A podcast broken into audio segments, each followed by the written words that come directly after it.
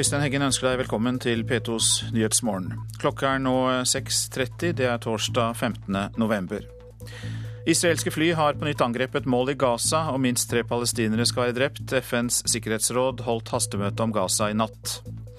Kinas nye ledelse er presentert. Vi skal også høre at flere og flere kinesere tyr til mikroblogging for å komme rundt sensuren på Twitter og Facebook. Mer til psykiatri og rusomsorg i Høyres budsjettforslag. Flere midler skal øremerkes. Vi er redd for at uh, rusomsorgen kan bli nedprioritert, og ønsker å sikre at uh, pengene går til rusbehandling. Nestleder i Høyre, Jan Tore Sanner. Trond Arli Lindstad vurderer å si fra seg kongens fortjenstmedalje.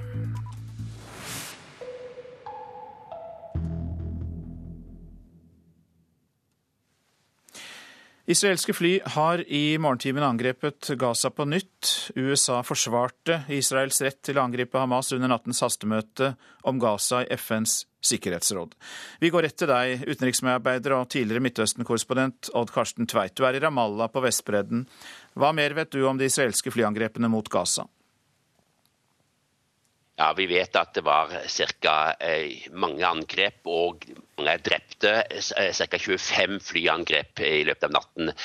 Eh, mens da palestinerne har skutt raketter mot Israel, men det er ikke meldt om drepte israelere. Hva er bakgrunnen for at striden blusser opp nå?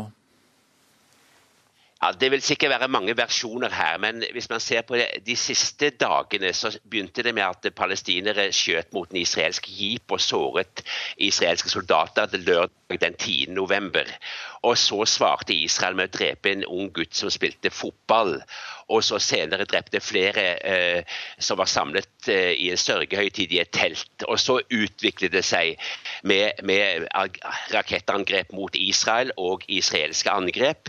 Eh, palestinerne forsøkte å få i stand en våpenhvile eh, hvis Israel stanset, men vi så altså at det, drapet på Hamas' militære leder i går har virkelig gjort at det hele har eksplodert. Du beskriver jo her en gradvis opptrapping, Odd Karsten Tveit. Eh, hvordan vurderer du risikoen for en israelsk bakkekrig på Gaza? Dette er jo på mange måter en eh, sak som må ses i sammenheng med valget i Israel den 22. januar. Eh, det er lite trolig at israelerne vil gå til en stor bakkeoffensiv. Det er kanskje for risikabelt, selv om de har innkalt reservestyrker. Eh, ser man tilbake til historien, og vi skal kanskje lære av til historien, at det, før valg så har det ofte vært angrep. I 1981 så gikk statsminister Begin til angrep på Iraks atomreaktor, og han vant valget den gang.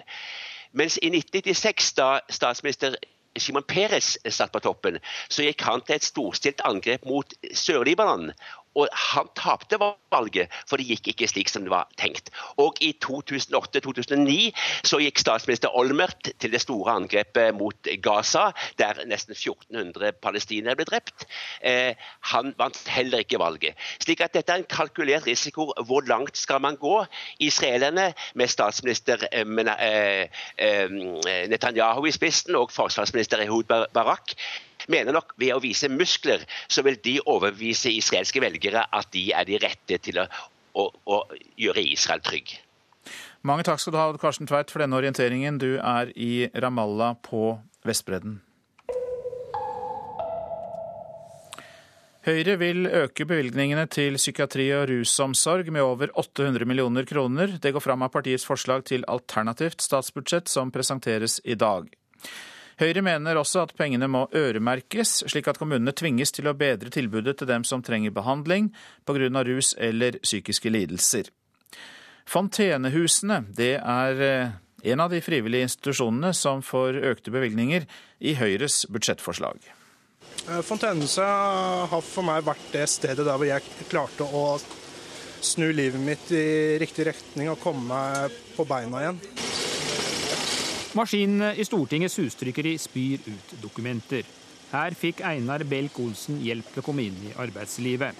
Gjennom fontenehusene fikk han arbeidstrening i trykkeriet. I dag har han for første gang i sitt liv fast jobb. Fontenehusene er en frivillig stiftelse som hjelper personer med psykiske problemer til å få seg arbeid, og en av institusjonene Høyre vil gi mer penger. Det er behov for et stort løft både for psykiatri og rusomsorg, sier nestleder Jan Tore Sanner. Det er grupper som har vært nedprioritert over, over, lang tid. Og vi vet at i vårt samfunn så må du være veldig sterk for å være svak. Vi ønsker konkrete virkemidler for å hjelpe de som har spesielle utfordringer. Det kan godt hende at jeg hadde vært 100% øh, ufør. Einar Belk-Olsen besøker gamle kolleger i Stortingets trykkeri. Uten hjelp fra fontenehusene hadde jeg ikke vært der jeg er i dag, sier han. Jeg var i en situasjon der hvor jeg hadde prøvd å feile uh, mange ganger i uh, Nav-systemet med masse, mange mislykkede arbeidspraksiser og utplasseringer. Og var uh, i en prosess med å søke om å få varig uføretrygd. For å være helt sikker på at de økte bevilgningene til psykiatri og rusomsorg brukes til det de skal, mener Høyre at pengene må øremerkes, dvs. Si at kommunene ikke kan disponere beløpet fritt. Vi stoler på kommunene. Samtidig får kommunene nå så mange nye oppgaver at vi er redd for at uh, rusomsorgen kan bli nedprioritert, og ønsker å sikre at uh, pengene går til rusbehandling. Det er uh, altfor lange køer, altfor lang ventetid for de som ønsker å få hjelp til å komme ut av sine rusproblemer. Dere vil også øke behandlingstilbudet, vil det si gjennom økt privatisering og ved å kjøpe private behandlingsplasser? Det er helt nødvendig eh, å øke kjøpen av behandlingsplasser både ved ideelle og private institusjoner. Flere av de private er truet av nedleggelse, samtidig som køene er altfor lange. Vi er nødt til å løfte både rusomsorgen og psykiatrien i årene som kommer. Og Politisk kvarter tar debatten om Høyres budsjettforslag om en drøy time, kvart på åtte. Reporter i Stortinget, det var Per Arne Bjerke. Trond Ali Lindstad vurderer å si fra seg kongens fortjenestemedalje i sølv, det skriver Dagbladet. Overrekkelsen skulle egentlig skjedd tirsdag denne uken, men er nå utsatt på ubestemt tid, etter at Slottet ba om betenkningstid. Flere har reagert på tildelingen av æresutmerkelsen til Lindstad, bl.a. pga. hans ytringer om jøder. Til Dagbladet sier Lindstad at han nå vil si fra seg medaljen dersom kongen ber han om det. I eh, Kina er Xi Jinping utnevnt til ny generalsekretær i landets kommunistparti. Han etterfølger Hu Jintao som Kinas leder. Partiets nye ledelse på sju personer ble for øvrig også presentert, og eh, Asia-korrespondent Anders Magnus forteller oss mer om dette. Ja da, det, dette her var det ingen uh, overraskelser i denne utnevningen.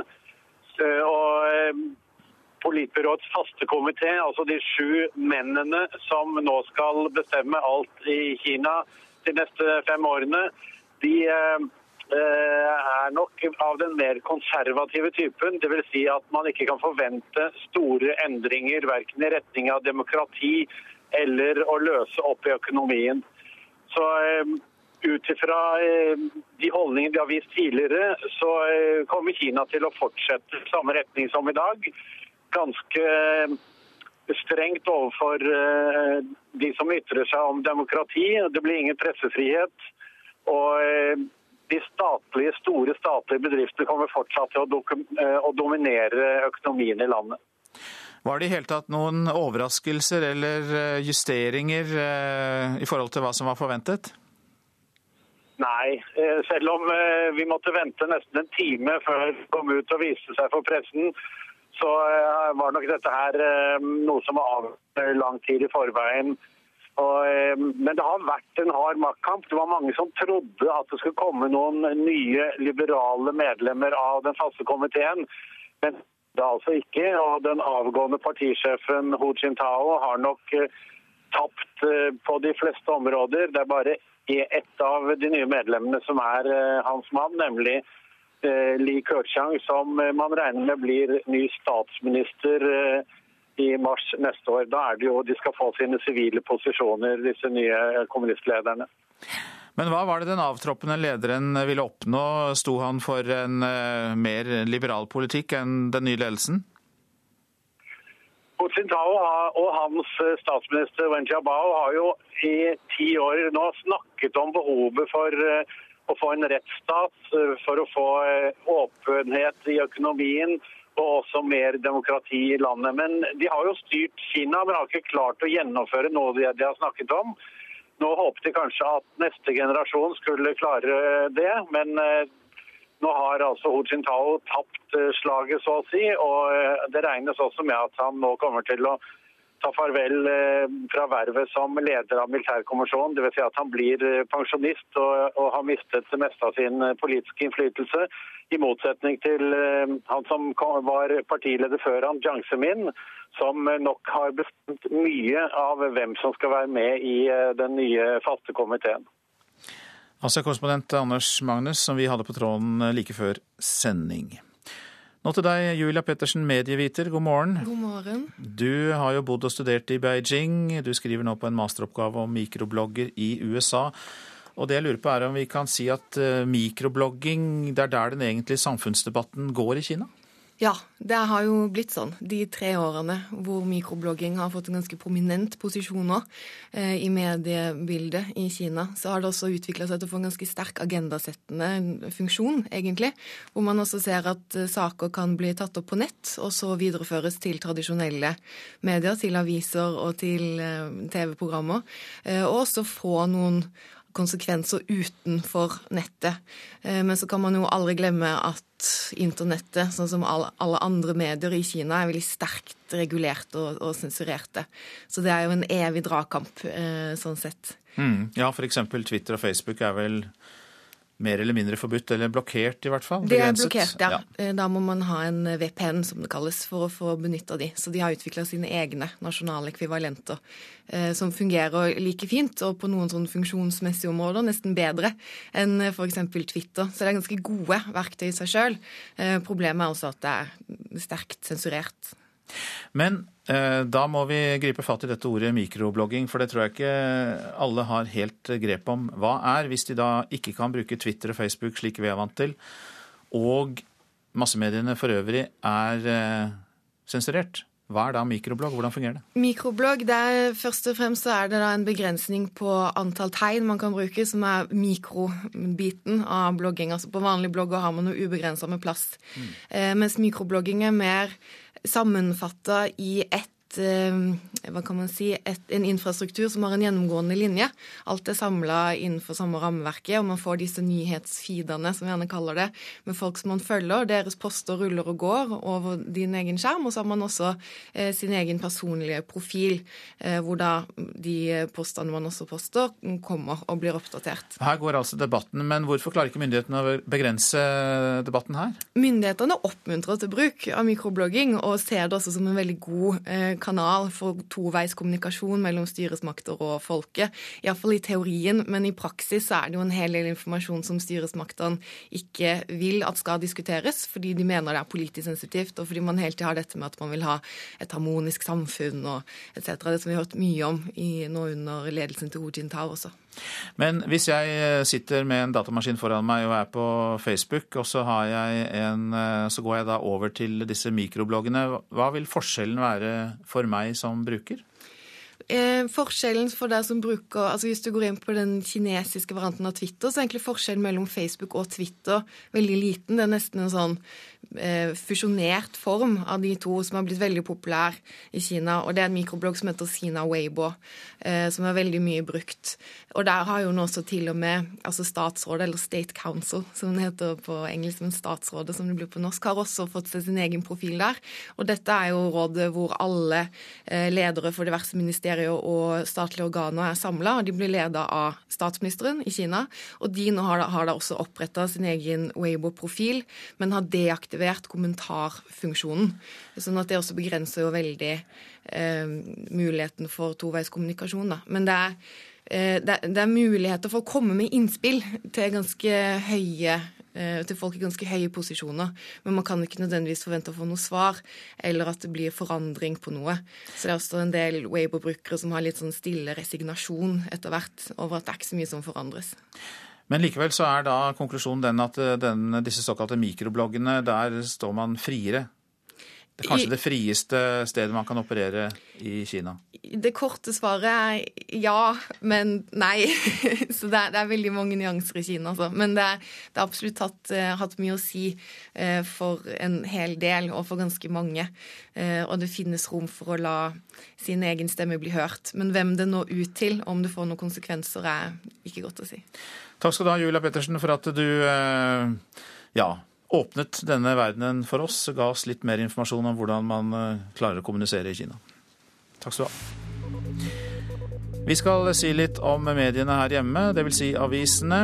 SAS-ansatte er lavtlønte, skriver Klassekampen. Kabinansatte har en startlønn på 270 000 kroner, inkludert alle tillegg, og de bruker 17 år i yrket på å tjene det samme som kollegene i eh, Norwegian.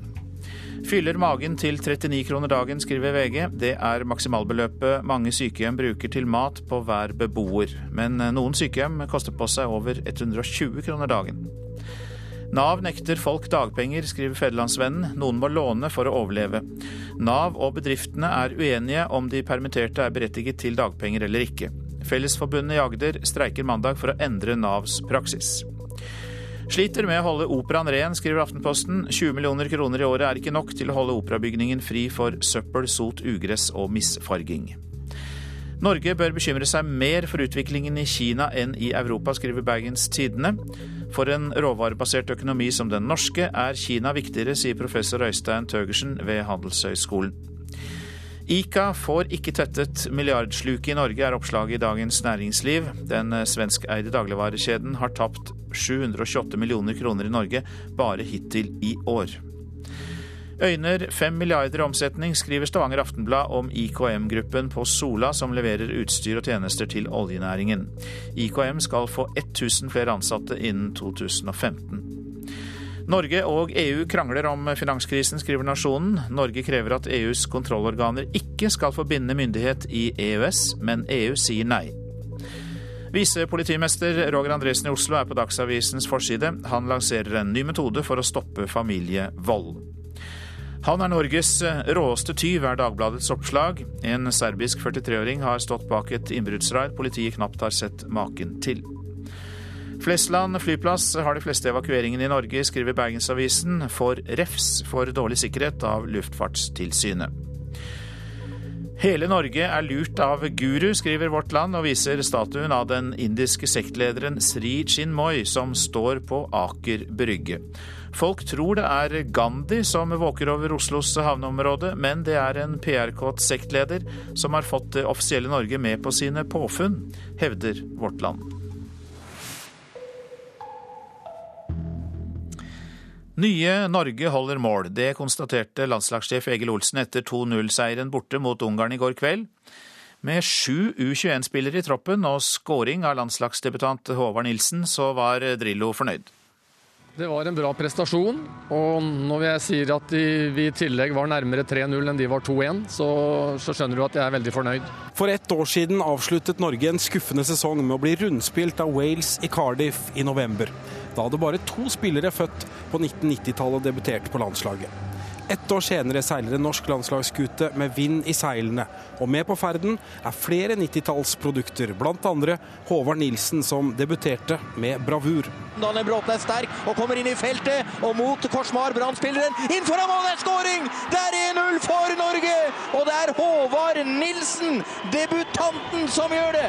Den tidligere Vålerenga-spissen, nå Salzburg-proffen, var overraska over å få startplass. Ting har gått uh, veldig fort for meg i år. og ja, I fjor så var jeg ikke på, på U21 engang. og så nå starter jeg her, så ting har gått fort. Det var gøy, selvfølgelig. og ja, Få, få ett mål er jo kjempemoro. Jeg syns det gikk bra, bra, ellers. Så det var en ja, bra, bra match for meg, følte jeg. Kaptein Brede Hangeland berømmer unggutta. Det er deilig å se når det kommer unge folk og legger igjen respekten i garderoben og bare kjører på og gjør sitt aller beste. Så det, De velger mange i dag, og det lover godt for framtida. Nå er det ingen av de mer etablerte som skal føle seg sikre. Nei, Unggutta holder mål, det er nå det ene. og vi ser at når vi klarer å holde så høyt tempo i forsvarsarbeidet vårt, både i gjenvinningsfasen og når vi ligger eh, i, i ramma, så, så, er vi vanskelig å, å skåre på. Det gikk en time før Ungarn hadde målsjanse i det hele tatt.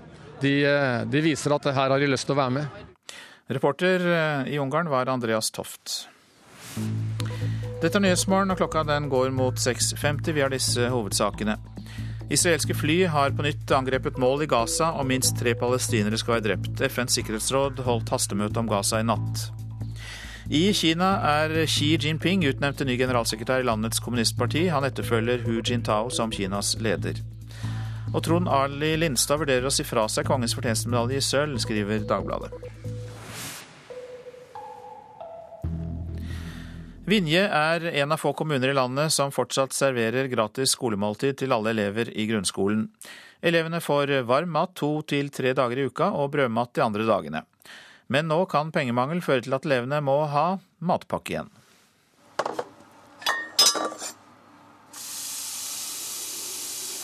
Hei, Eirin. Hvordan står det til? Bare bra. Det er bra. Det er hyggelig når dere er på Ja. Eirin Aafoss får gjester på kjøkkenet ved Rauland skole. Først kommer de yngste, og så kommer elevene i ungdomsskolen. I dag er Vinje en av svært få kommuner i landet som spanderer gratis måltid på elevene i grunnskolen. Jeg har eh, ost og salat og agurk og salami og paprika. Er det ålreit mat? Ja. De, de er bedre mat her enn det hjemme. Du valgte to brødskiver, er det nok? Ja, jeg blir veldig mett. Hva skal du ha på brødskivene da? Eh, smør og bringebærsyltetøy. Hva syns du om den ordninga du har i Vinje og på Rauland, at du får måltid på skolen? Jeg syns det er kjempebra. Det er mye bedre enn å ta med seg mat. Og så klarer jeg å konsentrere meg mye bedre når jeg får sunn mat på skolen. På kommunehuset må administrasjonen kutte 20 millioner kroner for å få budsjettet i balanse.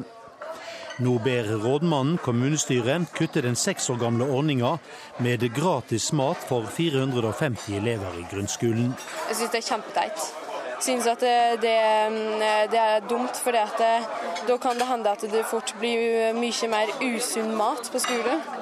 At vi tar mer mat, og da blir det mer styr med oss hele på morgenen òg. Og da bruker vi mer tid. Nå har du sjansen å sende en melding til de som sitter i kommunestyret og skal avgjøre. Hva, hva vil du si til dem? Jeg vil si at de burde beholde skolematen, for det gir gode resultat på skolen. Også lærerne er nøyde med ordninga. Øystein Eriksen er klassestyrer i 9. klasse.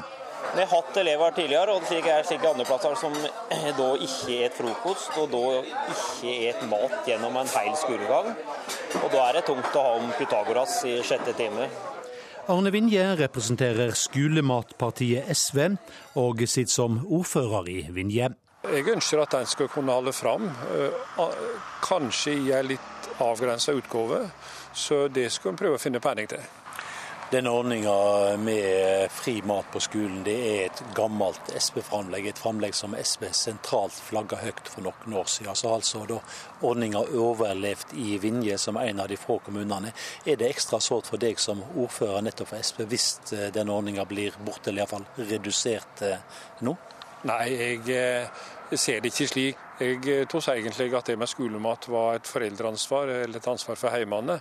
Men når en ser at dette faktisk virker i praksis, virker veldig bra, så vil jeg selvsagt legge vikt på å videreføre det. På maten her inn. Det var strålende i dag òg, dette. Jeg tror jeg har den beste jobben her på skolen, ja, for at alle er så positive. Alle er kjempefornøyde når de får mat, vet du. Så det, det er helt kjempeålreit. Veldig positivt. Reporter i Vinje, Johs Aphold og Vinje formannskap skal diskutere forslaget om å kutte gratismåltid seinere i dag. Byråd for kultur i Oslo vil lokke Martin Scorsese til Oslo for å spille inn Jo Nesbø-filmen 'Snømannen'. I dag er Norge et dyrt land å spille inn film i, så nå ønsker en samlet opposisjon at utenlandske filmprodusenter skal få skattelette. Det er ikke ett ledig bord innenfor de burgunderrøde veggene hos restaurant Skrøder på Sankthanshaugen i Oslo. Stamstedet til politietterforsker Harry Hole i bøkene til Jo Nesbø. Der har vi Holesjappa.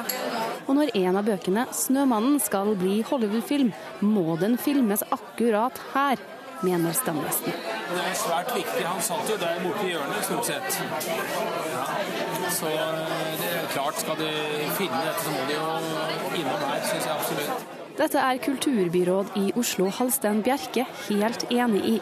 Derfor har han tatt kontakt med den verdenskjente regissøren Martin Scorsese for å invitere ham til Oslo på befaring. De ønsker å vurdere Oslo som lokasjon, men vi håper å få det i orden, og vi håper at det kan gjennomføres i løpet av våren. Men selv om Norge kan by på Harry Holes stampub og vakre fjorder og fjell, er det for dyrt for mange utenlandske filmprodusenter å jobbe her. Bjerke vil at Norge skal legge bedre til rette for Scorsese og andre filmprodusenter som vil bruke Norge som kulisse. Og jeg syns det er synd at det ikke finnes en statlig finansieringsordning for dette. Får vi eh, Scorsese til Oslo, så skal vi nok klare å overbevise han om at han må filme eh, 'Snømannen' her også. Og ikke minst god profilering for Norge og for Oslo. Så dette er noe vi bør satse på fremover, og det kommer Venstre til å gjøre i regjering. Bjerke får nå støtte fra en samlet opposisjon på Stortinget. Norsk filmbransje har lenge ønsket seg en ordning som gjør Norge mer attraktiv som filmnasjon i konkurranse med andre billigere land. De mener skattelette vil gi økte inntekter både for turistnæringen og filmbransjen. James Bond. Er bare én av en lang rekke internasjonale filmproduksjoner som har droppet Norge som location pga. økonomiske årsaker. I vår ønsket den amerikanske TV-serien Vikings å filme norske fjorder og fjell, men det ble for dyrt. Men også norske filmregissører velger utlandet. I går kunne NRK Dagsrevyen fortelle at norske Erik Poppe filmer i Irland. Å få, få gjort en, en, film med, med disse, kan si, både med stjerner og at, at filmen skal ut, gjør at vi må likevel gjøre den på den billigste måten vi kan gjøre det. Og, og da er eh, interessant nok Norge et veldig dyrt land å filme i. Jeg tror at det er en del andre land som med suksess har tiltrukket seg de aller største produksjonene. Det sier næringsminister Trond Giske. Og at det også har et potensial innenfor reiseliv og markedsføring av eh, Norge. Nå får kulturministeren svare for filmstøtta som sådan, men i skjæringspunktet mellom kultur og næring og den handlingsplanen som vi skal jobbe med, så mener jeg at eh, også filmbransjens eh, muligheter til å lage mer butikk her hjemme og mer salg ute, bør være en del av en slik rapport. På Harry Holes stampub Skrøder i Oslo vil stamgjestene veldig gjerne være med i Hollywood-filmen om Harry Hole. Jeg skal gjerne sitte her med en øl. No problemos. Reporter Eirin Venås Sivertsen. Vi tar for oss været. Fjell i Sør-Norge, kuling i nord, litt regn, snø over 800 meter. Fra i ettermiddag blir det lettere vær. Sør for Finse stort sett opphold. Østlandet får stort sett pent vær i dag. Fra i ettermiddag tilskyende og mulighet for litt regn nord for Lillehammer. Telemark og Agder stort sett pent vær, men i kveld mer skyet. Kan hende litt regn i Agder. Vestlandet sør for Stad. Liten kuling nord på Vestlandet, perioder med sterk kuling ved Stad. I ettermiddag stiv kuling på kysten av Sogn og Fjordane og liten storm ved Stad. Det blir regnbyger, snøbyger i høyden. Møre og Romsdal får sørvestlig liten kuling. I formiddag perioder med sterk kuling, og fra seint i ettermiddag kan det bli til dels liten storm i Møre og Romsdal. Regnbyger, snøbyger i høyden. Trøndelag regnbyger, snøbyger over 600 meter. Fra i ettermiddag sterk kuling. Helgeland, Saltfjellet og Salten. Der blir det vestlig periodevis liten kuling. Regnbyger, men etter hvert eh, minkende byggeaktivitet. Fra i ettermiddag sørlig liten kuling. Seint i kveld sørvestlig stiv kuling lengst sør på Helgeland. Og det blir regn fra i ettermiddag, eh, først i sør.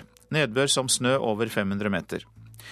Vi går til Ofoten, Lofoten og Vesterålen. Vestlig liten kuling, i kveld sørlig. Regnbyger til dels snøbyger i indre høyereliggende strøk. Forbigående minkende nedbør i ettermiddag.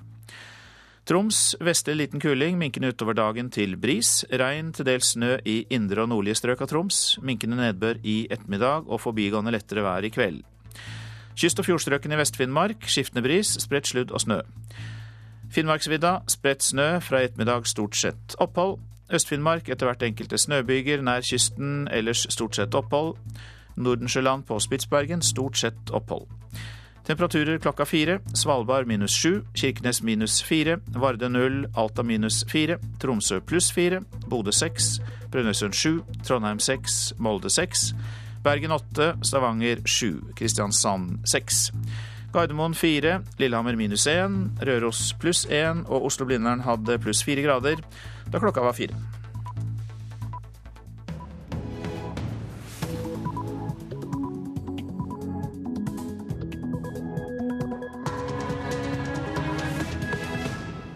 Da er klokka blitt sju. det lytter til P2s Nyhetsmorgen. Her er Øystein Heggen i studio i dag med en nyhetsoppdatering nå. Israelske fly har i morgentimene på nytt angrepet mål på Gazastripen. Sykehuskilder sier at tre palestinere er drept i angrepet. Drapet på Hamas' militære leder i går har virkelig gjort at det hele har eksplodert.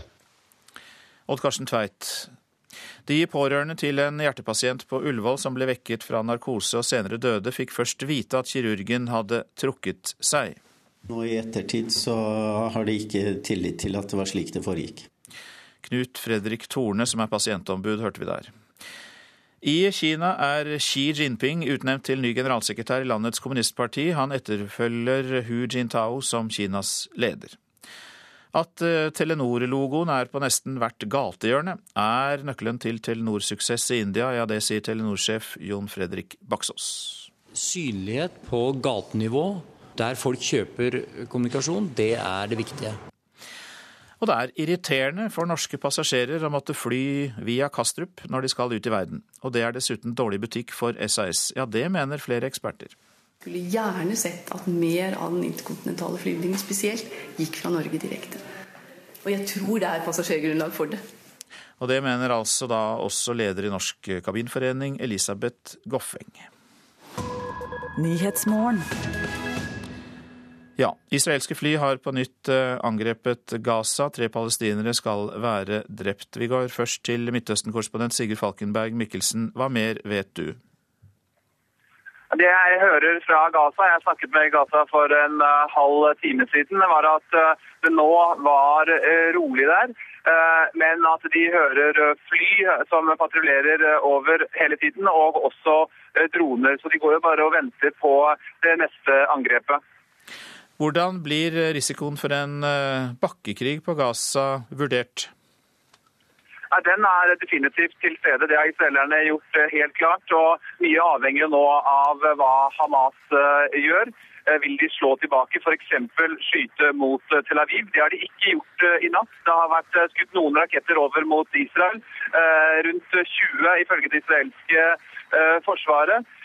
Men spørsmålet er hvilke, hvilke skritt Hamas nå tar.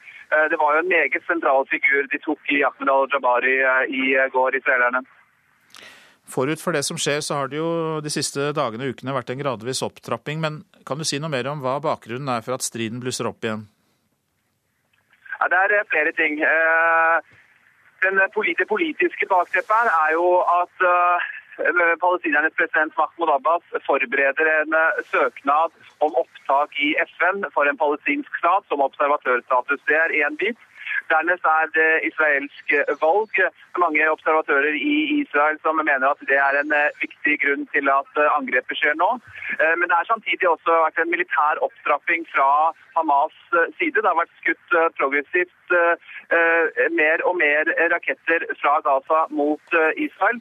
Så det var nok mange israelske politikere som var under press for å handle. Jeg var selv i Sør-Israel i Eh, forgårs, og det var et voldsomt trykk blant innbyggerne der for at politikerne skulle handle. Opplever Israel seg som mer truet nå pga. Eh, opprør rundt dem i Midtøsten og uh, uro i bl.a. Syria? Det er i hvert fall en helt annen regional kontekst sammenlignet med forrige store Gaza-krig i 2008-2009.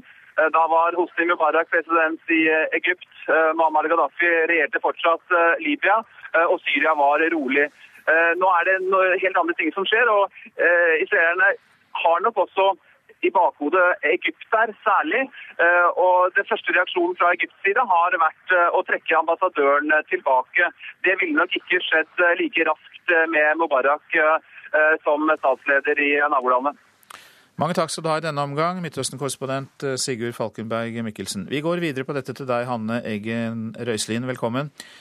Du har skrevet doktorgrad på det israelske militæret og kan si litt mer om hva de tenker. Vi har jo vært innom noen punkter eh, her nå med Abbas og FN, israelsk valg, opptrapping fra Hamas. Hva tenker du om eh, bakgrunnen for det som skjer? Nei, Det er helt riktig det som eh, Sigurd Falkmann Mikkelsen her sier, at det er et veldig sammensatt bilde vi nå ser. Men eh, at eh, israelerne er i ferd med å si, angripe Gaza, er ingen overraskelse. Dette har de varslet over ganske lang tid. Og så er det et spørsmål om tidspunkt. Eh, at de eh, har måtte, hatt Gaza i kikkerten, eh, og at de har kunne komme til å gå inn igjen, har de sagt helt siden den hva skal man kalle den relativt mislykkede krigen for om snart fire år siden. Da fikk de ikke til det de ønsket. nettopp nettopp å svekke Hamas i betydelig grad. Vi har sett at det har fortsatt med angrep fra Gaza. Og når det nå har skjedd den opptrappingen som vi ser sammenfaller med disse andre faktorene, så eh, har IDF eh, nå begynt å si, skjerpe fokus igjen. Det israelske forsvaret, altså. Og eh, de dreper jo Hamas-ledere helt bevisst. Hvilken tanke ligger bak? Dette er en, eh, en, strategisk tankegang som de har benyttet seg av ganske lenge. Det er et eget konsept som de har brukt eh, ganske intensivt siden forrige intifadaen i 2000. Targeted assassinations. Altså det å målrettet eh, ta ut ledere av eh, palestinske såkalte terroristorganisasjoner. Eh, de har prøvd å få gehør for det i folkeretten, naturligvis eh, uten hell.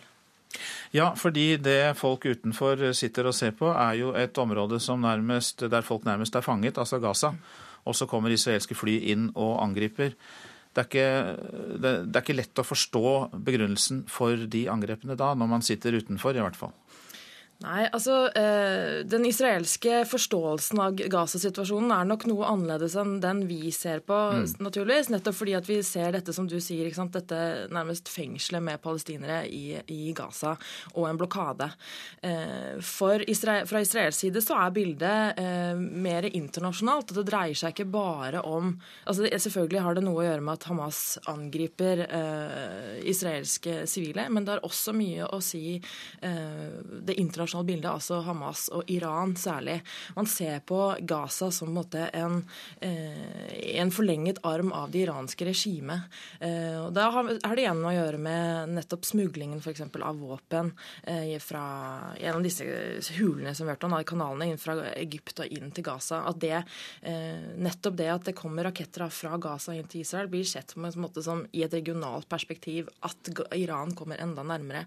Og i det bildet som nå er, at den arabiske våren har gjort hele situasjonen så usikker. Det er et helt annen eh, regional eh, ustabilitet da, i forhold til den det har vært før. Så er det som sagt et regionalt bilde, og ikke bare det eh, skal jeg si, Israel versus Gaza. Så palestiner eller Hamas-leder er nærmest da en stedfortreder for Iran, eller i hvert fall til en viss grad, og gir et signal videre? Ja, det er det israelsk mm. sikkerhetspolitisk tankegang. Mm. Mm. Men hva tror du om en eventuell bakkekrig? Nei, det er eh, Som eh, Sigurd nevner her, så er det absolutt en fare for det. Eh, det israelske forsvaret er forberedt på det. De sier at de er klare for å gå inn, men de er også klare for å gå inn i nord i Libanon. Israelerne sier jo det hele tiden, vi er klare for å gå inn. Det er klart at Et forsvar skal være klar til måte, det verst mulige tenkelige scenarioet, nettopp å gå inn i en krig. Men eh, det har nå rykket mye nærmere. Bakkestyrkene er i ferd med å gjøre seg klare. Eh, de har ikke, og som også Sigurd her nevner, det har mye å gjøre med hva Hamas nå sier at, eh, og gjør. Men at eh, det israelske forsvaret nå er klare for en bakkeinvasjon, det er det liten tvil om. Takk til deg i denne omgang, eh, Hanne Eggen Røiselin, som altså har skrevet doktorgrad på det israelske militæret. Takk skal du ha. De pårørende til hjertepasienten som ble vekket fra narkose og senere døde ved Oslo universitetssykehus, sier de har fått helt motstridende svar på hvem som faktisk avbrøt operasjonen. Legene på Ullevål sier de fikk beskjed fra Rikshospitalet om å avbryte operasjonen. Men de eh, pårørende fikk eh, først eh, vite at kirurgene på Ullevål hadde trukket seg. Det forteller pasientombud Knut Fredrik Torne til NRK. I samtale med ledelsen så fikk de vite at etter at pasienten var lagt i narkose, så hadde kirurgen trukket seg, angivelig fordi han da mente at ikke han kunne gjennomføre operasjonen. Ullevål og Rikshospitalet formidla to helt ulike versjoner av hva som skjedde da det gikk gale med den 65 år gamle familiefaren John Curry fra Kongsvinger. Han som ble vekt fra narkose på Ullevål for å vente åtte dager på en hjerteoperasjon på Rikshospitalet. Trekte kirurgen seg, eller fikk han beskjed om å avbryte? Familien vil ikke la seg intervjue, men de sier til NRK at noe av det de reagerer aller mest på i saka, er den informasjonen de fikk etterpå. Først fikk de nemlig vite at Ullevål-kirurgen hadde trukket seg. Og de gikk ut fra at dette var riktig, forteller pasientombud Knut Fredrik Torne. De gjorde det når de fikk den, men nå i ettertid så har de ikke tillit til at det var slik det foregikk. I ettertid har familien fått en helt annen versjon fra Ullevål. Nei, De har fått klare indikasjoner på at eh, det nok ikke er en korrekt beskrivelse av det som faktisk eh, skjedde etter at pasienten var lagt i narkose. NRK har snakka både med kirurgen som skulle operere på Ullevål, og med den felles avdelingsledelsen som er plassert på Rikshospitalet. Ullevål-kirurgen sier til NRK at han ikke trekte seg fra operasjonen. Han sier han tvert imot ønsket å gjennomføre operasjonen, som han dessuten følte seg fullt ut kompetent til å utføre. Avdelingsledelsen ved Rikshospitalet ønsker ikke å kommentere noe offentlig om hvem det var som avbrøt operasjonen, eller hva som har blitt sagt til de pårørende. De mener dette må være en sak mellom OUS og Helsetilsynet. Men familien er opptatt av å finne ut hvem det var som bestemte at John måtte bli vekt fra narkosen for å vente på operasjon. Det er klart det at de har mistet sin eh, far og, og ektemann, og pasienten ble lagt i narkose. Eh, operasjonen ble utsatt i åtte dager, og han døde i forbindelse med operasjonen. Så det er klart de ønsker å få svar på hva som egentlig skjedde her. Reporter her, det var eh, Håvard Grønli. Barack Obama han sa i går at det ikke er noen grunn til å tro at USAs nasjonale sikkerhet ble skadet pga. Av avsløringene knyttet til tidligere CIA-sjef og general David Petraeus. Og eh, som kjent så sa jo han opp sin stilling fredag etter en utroskapsaffære. Eh, president Barack Obama han ga Petraeus noen rosende ord med på veien. General Petraeus had an extraordinary career. Uh, he served this country with great distinction in Iraq, in Afghanistan, and as head of the CIA. Uh, by his own assessment, he did not meet the standards uh, that he felt uh, were necessary as the director of CIA uh, with respect to uh, this personal matter that he is now dealing with with his family and with his wife. But I want to emphasize that, from my perspective at least, he has provided this country an extraordinary service. We are safer because of the work that uh, Dave Petraeus uh, has done. USA er tryggere takket være David Petraeus, sa Barack Obama. Og eh, han la også til at han ikke vil blande seg inn i FBIs etterforskning av denne saken. God morgen til deg, Leif Petter Sommerseth. God morgen. Du er oberst ved Forsvarets eh, stabsskole. Eh, og vi skal ikke plage deg med dyneløfting og utroskap og intrikate forhold, men heller spørre deg om det rent faglige militære her. fordi eh, hvilken risiko utsetter militærtopper seg for når de inngår eh, slike allianser som Petreus har gjort? Petreus har også ledet krigen mot terror på Amerikas vegne. Han har ledet ISAF-styrken i Afghanistan. Begge disse to stillingene er full av eh, ansvar, og han har fått en kjempetillit fra sin president og fra Nato til å lede dette. Eh, når han skal gjøre dette, så må hans fokus være på det. Eh, med en gang han nå har hatt noe på siden som trekker fokus vekk, så blir han sårbar enten det er fremmede makter, sånn som vi for to, så for to år siden med Ann Chapman, som jo ble utvist fra USA for nettopp denne honey trap-fellen. Men det kan også være mer personlig. I Bibelen så vet vi at Urias ble sendt på sin post av kong David, eh, nettopp fordi kong David eh, følte attråd til Urias kone. Det er sikkert ikke det denne gangen, mm. men så enkelt er det.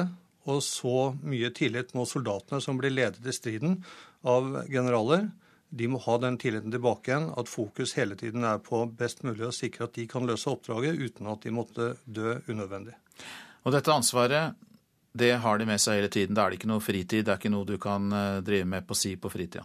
Nei, dette er en 24-7-365-jobb. Så her er det hele tiden. Eh, jeg har lyst til å spørre om hvordan reglene er i Norge her.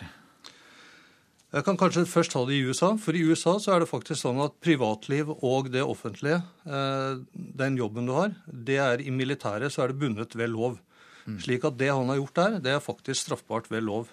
Eh, I Norge så er det et klart skille mellom eh, privatlivet og det du gjør i jobben. Eh, så der er det fortsatt viktig, det med tilliten, og ikke bryte den. Men det er altså ikke bundet ved lov. Men likevel så er det vel slik at uh, norske offiserer uh, også må forholde seg til etiske standarder. Det blir vel tatt opp med offiserer innimellom, det også? Ja, Vi er ikke annerledes enn de amerikanske på den måten. Den etiske standarden er jo det som hjelper oss å handle riktig i de krevende situasjoner. Og krig er definitivt en sånn en. Så derfor, når vi eh, gjennomfører jevnlige og rutinemessige samtaler med våre underordnede eh, og med våre sjefer, så er nettopp det hvilke forhold vi har i livet, og det inkluderer også familien, det er en del av det vi blir spurt om, og som vi har en opplysningsplikt på for at vi ikke skal komme i en sånn situasjon at vi kan bli presset. Og Der kan utroskap dukke opp? Det kan det. Og hva skjer hvis du innrømmer det? Jeg tror ikke det er noe verre i Norge enn at da er vi oppmerksom på det. Eh, og da eh, slipper vi å kunne bli presset på det, fordi det er ingen hemmelighet lenger. Det er også faktisk åpent mellom arbeidsgiver og arbeidstaker. Men det er ikke sånn at vi driver med noe mer dyneløfting. Men i USA så er det altså sånn at det innenfor regelverket for eh, militæret er slik at du ikke bedriver den slags? Der er det slik at det får en konsekvens at du må slutte etterpå. Hjertelig takk for at du kom for å orientere oss om dette, Leif Petter Sommerseth, som altså er oberst ved Forsvarets eh, stabsskole. Takk skal du ha. Takk skal.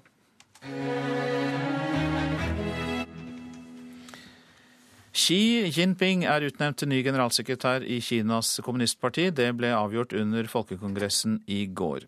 Han etterfølger dermed Hu Jintao som Kinas leder de neste fem år. NRKs Asia-korrespondent Anders Magnus forteller at eh, dette ikke kom som noen stor overraskelse, selv om det har vært en hard maktkamp forut.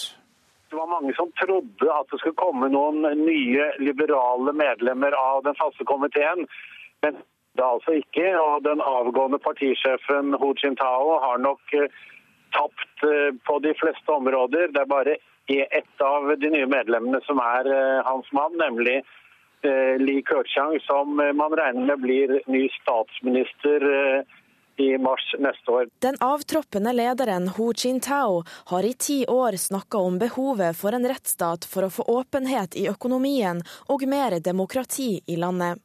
Det har han ikke klart å gjennomføre. Og med partiets nye ledelse, med Xi Jinping i spissen, kan Kina vente seg få endringer ut ifra eh, de holdningene de har vist tidligere, så eh, kommer Kina til å fortsette samme retning som i dag.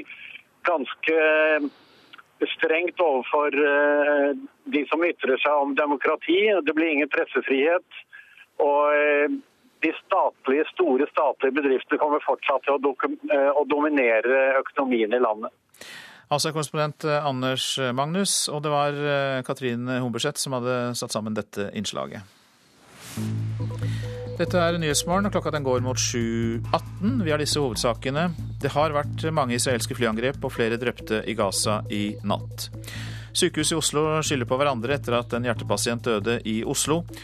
Og nordmenn flyr mest. Derfor er det dårlig butikk av SAS å flytte det meste til Sverige og Danmark, mener eksperter.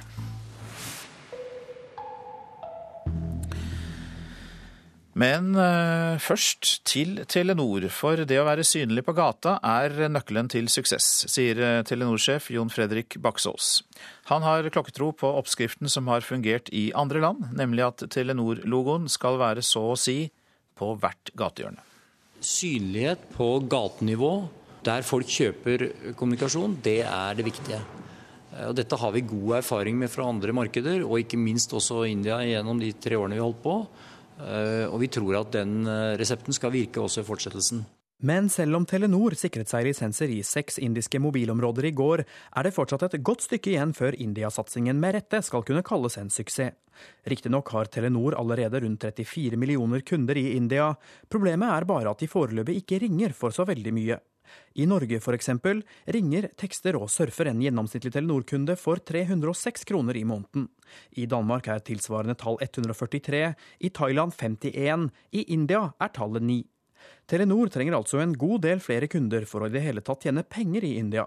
Heldigvis for selskapets del dekker de nye lisensene et område med 600 millioner mennesker.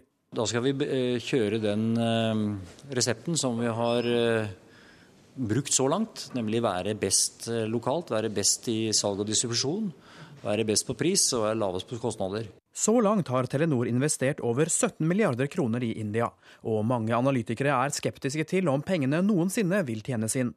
Analytiker Espen Torgersen i meglerhuset Carnegie mener den nye satsingen først og fremst handler om å begrense tapet.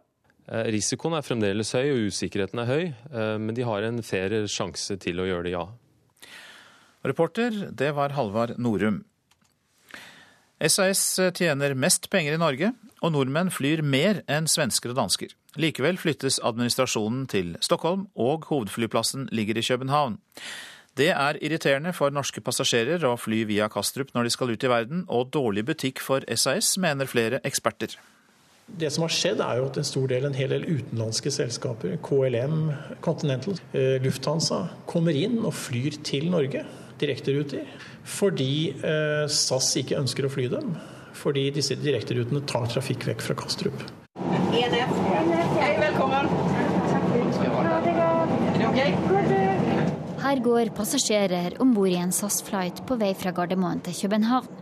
Hvis du skal reise til Madrid, Berlin eller andre steder i verden med SAS, er sjansen stor for at du må innom Kastrup først. En fordyrende tidstyv, mener professor ved Norges handelshøyskole Frode Steen.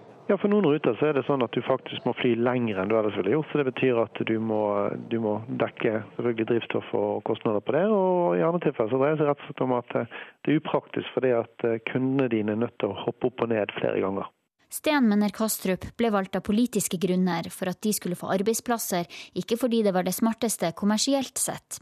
Det norske markedet og norske passasjerer utgjør mer enn halvparten av trafikken i SAS. Likevel mister nå om lag 300 ansatte i Norge jobbene sine når administrasjonen skal flyttes over til Stockholm. Elisabeth Goffeng, leder i Norsk kabinforening, skjønner at nordmenn heller velger andre flyselskap når de skal ut i verden, hvis alternativet er å fly om Kastrup med SAS. Årsakene til at man eh, har, har, plassert produksjonen slik den er, eller fordelt produksjonen slik den er, det er vanskelig å skulle kunne redegjøre for i et kort intervju. Men jeg er helt enig med deg. Jeg skulle gjerne sett at mer av den interkontinentale flyvningen spesielt gikk fra Norge direkte.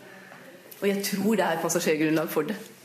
Førsteamanuensis på BI Espen Andersen mener at både for kundene og de ansatte ville det vært mye bedre om SAS Norge løsrev seg fra svenskene og danskene og ble et eget selskap. Så for Nor Norge, som, hvor vi flyr så mye, så ville dette resultere i, uh, ja, et billigere selskap. Uh, og med flere direkteruter til viktige destinasjoner i verden. Men når det nå en gang har blitt slik at Kastrup er blitt hovedflyplassen til SAS, så finnes det gode grunner til å fortsette med det. Det mener analytiker i Sydbank Peder Jacobsen. Jeg mener stadig at København fungerer som det beste knudepunkt for, øh, for SAS. Uansett at man har en større forretning i Norge, så har København utviklet seg til å være det sted i Skandinavien som man primært reiser ut i verden fra. Og i dag er det en meget, meget vanskelig, for ikke å si tett ved umulig beslutning for SAS å endre knudepunkt fra f.eks. Københavns lufthavn til Oslo. Reportere Linda Reinholdsen og Johan B. Settem. Så noen ord om avisen i dag. SAS-ansatte er lavtlønte, skriver Klassekampen. Kabinansatte har en startlønn på 270 000 kroner, inkludert alle tillegg, og de bruker 17 år i yrket på å tjene det samme som kollegene i Norwegian. Fyller magen til 39 kroner dagen, skriver VG. Det er maksimalbeløpet mange sykehjem bruker til mat på hver beboer. Men noen sykehjem koster på seg over 120 kroner dagen. Nav nekter folk dagpenger, skriver Federlandsvennen. Noen må låne for å overleve. Nav og bedriftene er uenige om de permitterte er berettiget til dagpenger. Fellesforbundet i Agder streiker derfor mandag for å endre Navs praksis. Sliter med å holde operaen ren, skriver Aftenposten. 20 millioner kroner i året er ikke nok til å holde operabygningen fri for søppel, sot, ugress og misfarging. Norge bør bekymre seg mer for utviklingen i Kina enn i Europa, skriver Bergens Tidende. For en råvarebasert økonomi som den norske er Kina viktigere, sier professor Øystein Tøgersen ved Handelshøyskolen. Ica får ikke tettet milliardsluket i Norge, er oppslaget i Dagens Næringsliv. Den eh, svenskeide dagligvarekjeden har tapt 728 millioner kroner i Norge bare hittil i år. Øyner 5 milliarder i omsetning, skriver Stavanger Aftenblad om IKM-gruppen på Sola, som leverer utstyr og tjenester til oljenæringen. IKM skal få 1000 flere ansatte innen 2015. Norge og EU krangler om finanskrisen, skriver Nasjonen. Norge krever at EUs kontrollorganer ikke skal få bindende myndighet i EØS, men EU, EU sier nei. Visepolitimester Roger Andresen i Oslo er på Dagsavisens forside. Han lanserer en ny metode for å stoppe familievold. Han er Norges råeste tyv, er Dagbladets oppslag. En serbisk 43-åring har stått bak et innbruddsraid politiet knapt har sett maken til. Flesland flyplass har flest evakueringer i Norge, skriver Bergensavisen. Får refs for dårlig sikkerhet av Luftfartstilsynet. Hele Norge er lurt av guru, skriver Vårt Land, og viser til statuen av den indiske sektlederen Sri Chinmoy, som står på Aker Brygge. Folk tror det er Gandhi som våker over Oslos havneområde, men det er en PR-kåt sektleder som har fått det offisielle Norge med på sine påfunn. Ja, det hevder Vårt Land.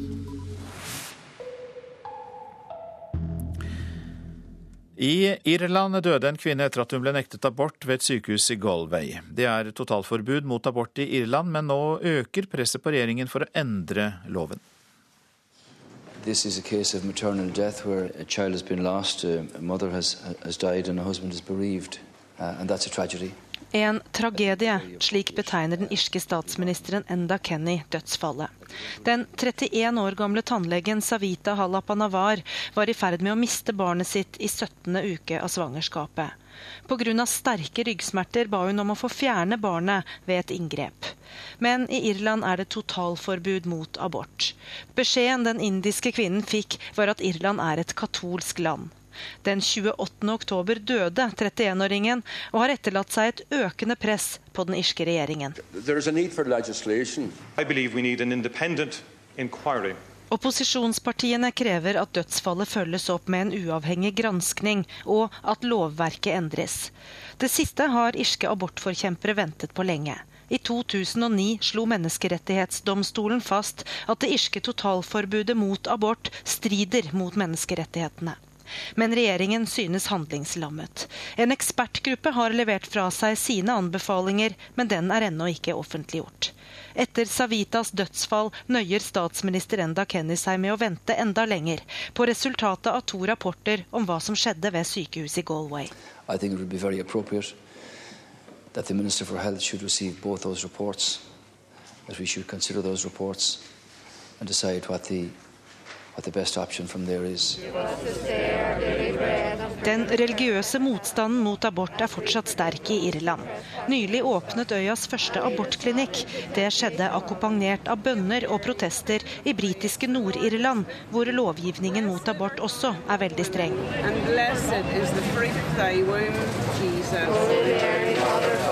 And Journalisten Henry MacDonald har fulgt abortdebatten i Irland i en årrekke, og sier det hele bunner i en mektig katolsk kirke og en svak politisk ledelse.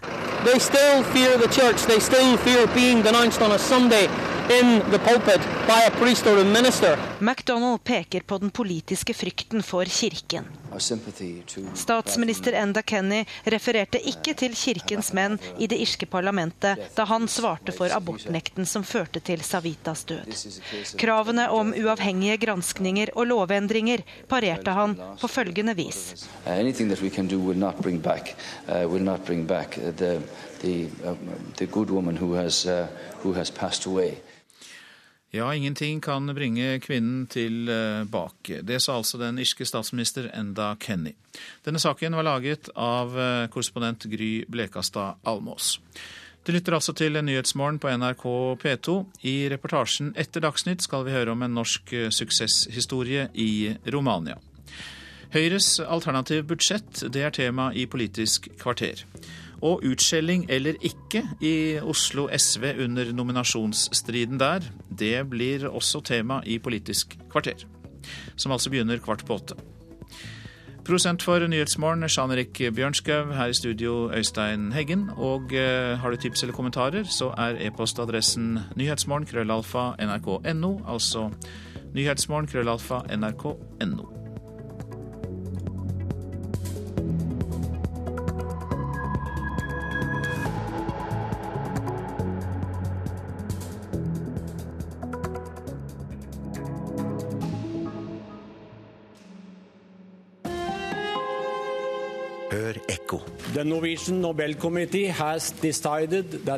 Norge deler ut fredsprisen.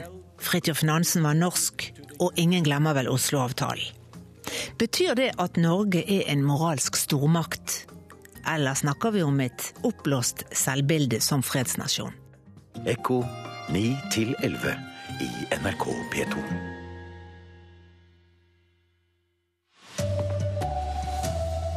Israelske fly har på nytt angrepet mål i Gaza. FNs sikkerhetsråd holdt hastemøte i natt.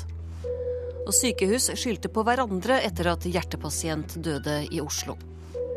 Drillo ser lyst på framtiden for norsk fotball etter at U21-laget vant over Ungarn i går. Her er NRK Dagsnytt, klokka er 7.30. Ja, De israelske bombeangrepene mot Gazastripene fortsetter. Ifølge kilder inne i Gaza har angrepene krevd tre liv i morgentimene i dag. De dødelige konsekvensene av de siste bombeangrepene mot Gazastripen blir bekreftet av helsepersonell inne i Gaza. Og statsminister Benjamin Netanyahu sier at angrepene kan bli trappet opp om nødvendig for å beskytte israelske innbyggere. FNs generalsekretær Ban Ki-moon har på sitt aller mest innstendigste gitt beskjed til Netanyahu om å forhindre en blodig voldsspiral. FNs sikkerhetsråd holdt i går et krisemøte uten å vedta noen form for tiltak. Sudans FN-ambassadør Dafa Allah El-Haq Ali Osman ba på vegne av Den arabiske liga om en øyeblikkelig stans i volden.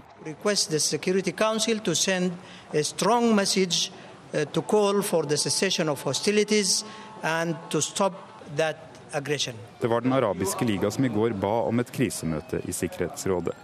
Israels FN-ambassadør Ron Prosor sa Israel hadde vist tilbakeholdenhet lenge, og ba omverdenen fordømme rakettangrepene fra Gazastripen som rammer og dreper tilfeldige sivile. Using hospitals in order to target Israeli hospitals and using a civilian population to hide behind Imens kan innbyggerne på begge sider av grensen forberede seg på dager med vold de ikke har opplevd siden Israel gikk til angrep mot Gaza i 2008-2009. Operasjonen den gang begynte med et ukelangt luftangrep, etterfulgt av at Israel gikk inn med bakkestyrker. Den gang ble 1400 palestinere drept. Ifølge israelsk politi har det blitt skutt inn mer enn 80 rakettdrevne granater fra Gaza og inn i Israel etter at de i går drepte Hamas-kommandanten Ahmed al-Jaberi i et rakettangrep mot hans bil. Det fortalte reporter Philip Lote. Og Midtøsten-korrespondent Sigurd Folkenberg Mikkelsen, hva er bakgrunnen for disse siste angrepene? Det har vært en gradvis opptrapping i konflikten. Det har vært skutt mye raketter fra Gaza i de siste dagene og ukene. Og Israelerne har også svart med flyangrep, før de da gikk til det skrittet å drepe en av de mest sentrale Hamas-figurene. Og det er det som gjør at det nå virkelig eksploderer. Hvorfor skjer det akkurat nå? I Israel så er det mange som spekulerer i om dette har sammenheng med det israelske valget som skal skje i januar. Det er også en periode med mye internasjonal diplomati rundt president Mahmoud Abbas ønske om å gå til FN med søknad om opptak som observatørstatus for palestinerne. Men det israelske politikere sier, er jo at de gjør dette for å beskytte sivilbefolkningen i Sør-Israel, som da lever under rakettstrusselen fra, fra Gazastripen. Er det fare for full krig, slik vi så for fire år siden? Ja, Faren er absolutt til stede. Jeg tror mye avhenger av hva Hamas velger å gjøre nå. De er under, også under et press fra egen base for å handle for å vise at de fortsatt er motstandsbevegelsen.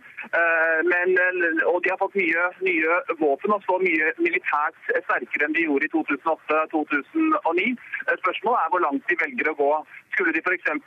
skyte raketter mot Tel Aviv, så vil nok det være starten på en langt mer dramatisk konflikt enn det vi ser nå. Over til Kina. Der er Xi Jinping utnevnt til ny generalsekretær i landets kommunistparti. Det er den nye sentralkomiteen som nå formelt har utnevnt partiets nye stående komité, og Xi blir leder av denne komiteen. Han etterfølger dermed Hu Jintao, som har sittet i ti år. Sykehusene ga ulike svar til de pårørende da en hjertepasient døde ved Oslo universitetssykehus etter at operasjonen ble stoppet. Legene på Ullevål sier de fikk beskjed fra Rikshospitalet om å avbryte operasjonen, men de pårørende fikk først vite at kirurgen på Ullevål hadde trukket seg. Dette forteller pasientombud Knut Fredrik Torne til NRK. Så fikk de vite at eh, etter at pasienten var lagt i narkose, så hadde kirurgen eh, trukket seg, eh, angivelig fordi han da mente at ikke han kunne gjennomføre operasjonen. Ullevål og Rikshospitalet formidla to helt ulike versjoner av hva som skjedde da det gikk gale med den 65 år gamle familiefaren John Curry fra Kongsvinger. Han som ble vekt fra narkose på Ullevål for å vente åtte dager på en hjerteoperasjon på Rikshospitalet. Trekte kirurgen seg, eller fikk han beskjed om å avbryte? Familien vil ikke la seg intervjue, men de sier til NRK at noe av det de reagerer aller mest på i saka, er den informasjonen de fikk etterpå. Først fikk de nemlig vite at Ullevål-kirurgen hadde trukket seg. Og de gikk ut fra at dette var riktig, forteller pasientombud Knut Fredrik Torne. De gjorde det når de fikk den, men nå i ettertid så har de fått klare indikasjoner på at eh, det nok ikke er en korrekt beskrivelse av det som faktisk eh, skjedde etter at pasienten var lagt i narkose. NRK har snakka både med kirurgen som skulle operere på Ullevål, og med den felles avdelingsledelsen som er plassert på Rikshospitalet. Ullevål-kirurgen sier til NRK at han ikke trekte seg fra operasjonen. Han sier han tvert imot ønsket å gjennomføre operasjonen, som han dessuten følte seg fullt ut kompetent til å utføre. Avdelingsledelsen ved Rikshospitalet ønsker ikke å kommentere noe offentlig om hvem det var som avbrøt operasjonen, eller hva som har blitt sagt til de pårørende. De mener dette må være en sak mellom OUS og Helsetilsynet. Reporter Håvard Grønli. SAS tjener mest penger i Norge, og nordmenn flyr mer enn svensker og dansker. Likevel flyttes hovedkontoret til Stockholm, og hovedflyplassen ligger i København. Irriterende for norske passasjerer å måtte fly om Kastrup, og dessuten er det dårlig butikk for SAS, mener eksperter. Hei, velkommen. Er? Her går passasjerer om bord i en SAS-flight på vei fra Gardermoen til København. Hvis du skal reise til Madrid, Berlin eller andre steder i verden med SAS, er sjansen stor for at du må innom Kastrup først. En fordyrende tidstyv, mener professor ved Norges handelshøyskole, Frode Steen. Ja, For noen ruter så er det sånn at du faktisk må fly lenger enn du ellers ville gjort. så Det betyr at du må, du må dekke selvfølgelig drivstoff og kostnader på det. og I andre tilfeller så dreier det seg rett og slett om at det er upraktisk fordi at kundene dine er nødt til å hoppe opp og ned flere ganger. Sten mener Kastrup ble valgt av politiske grunner for at de skulle få arbeidsplasser, ikke fordi det var det smarteste kommersielt sett. Det norske markedet og norske passasjerer utgjør mer enn halvparten av trafikken i SAS. Likevel mister nå om lag 300 ansatte i Norge jobbene sine når administrasjonen skal flyttes over til Stockholm.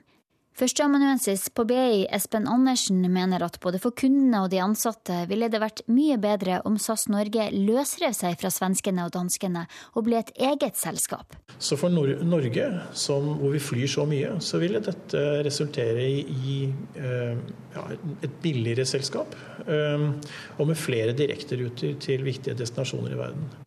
Reporter Linda Reinholdsen.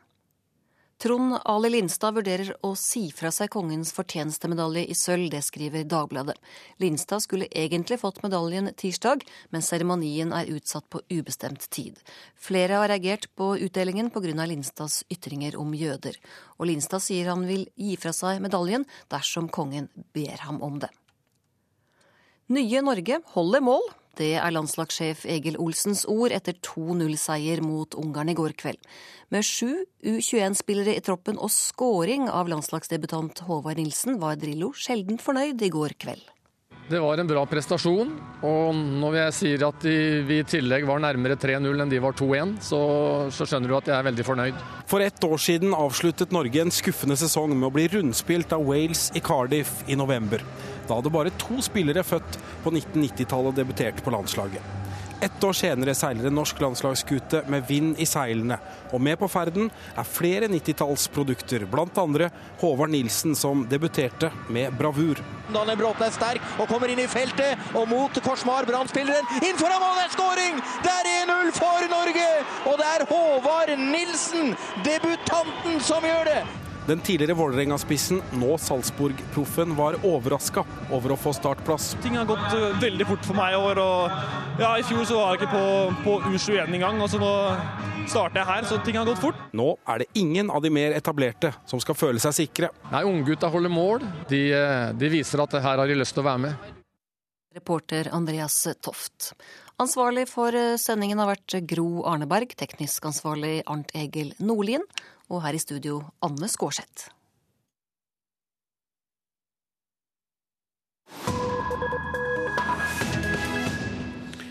Dette er Nyhetsmorgen, og nå skal vi høre om en norsk suksesshistorie fra Romania og et skipsverft eid av Kjell Inge Røkke.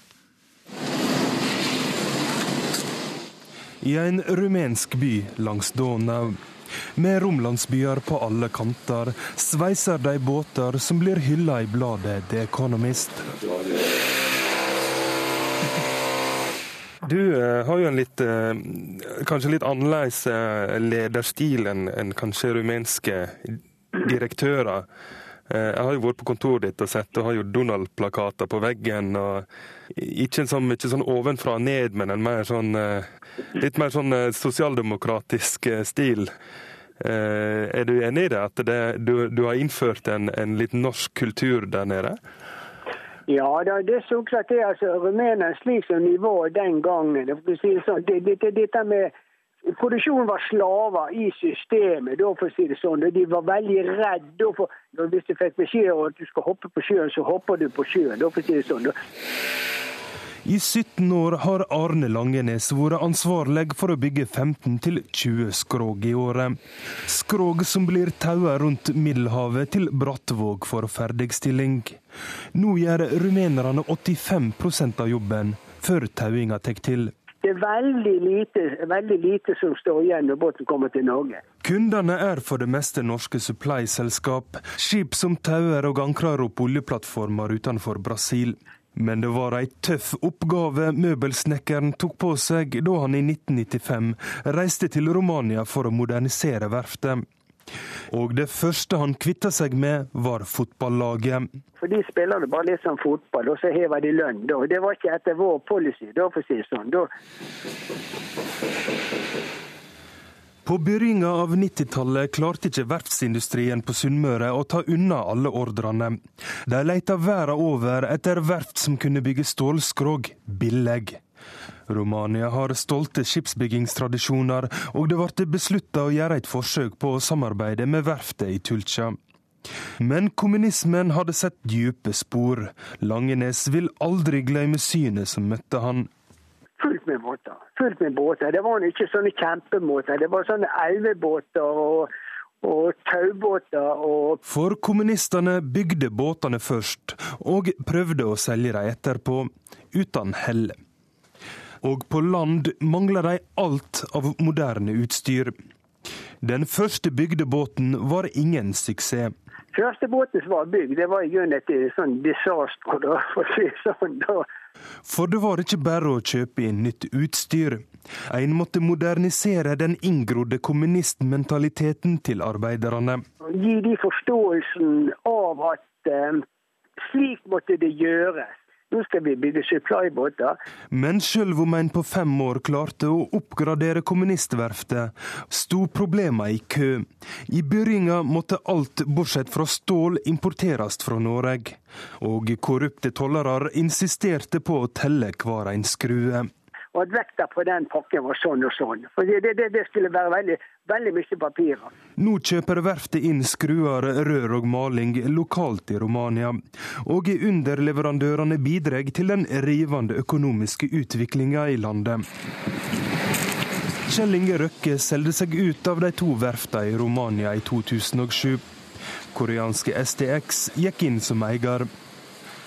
Men fremdeles ligger det en eim av vestlandsfanden over industribyen Tulcha, som trass globale nedgangstider har fulle ordrebøker. Sa Roger Severin Bruland. Dette er hovedsakene i Nyhetsmorgen. De israelske bombeangrepene mot Gazastripen fortsetter. Ifølge kilder inne i Gaza har angrepene i morgentimene krevd tre liv. Sykehusene ga ulike svar til de pårørende da en hjertepasient døde ved Oslo universitetssykehus etter at operasjonen ble stoppet. Og Trond Ali Lindstad vurderer å si fra seg kongens fortjenstmedalje. Programleder Bjørn Myklebust, du har kommet inn med gjester i Politisk kvarter, og det er stabilt borgerlig flertall i folket, viser meningsmålingene. Det er valg neste år, og i dag får vi se Høyres alternative statsbudsjett. Blir det et glimt av fremtiden, eller er det umulig å få øye på hva som blir borgerlig politikk? Og hvorfor klarer ingen å få de fire borgerlige lederne til å stille opp på et felles bilde?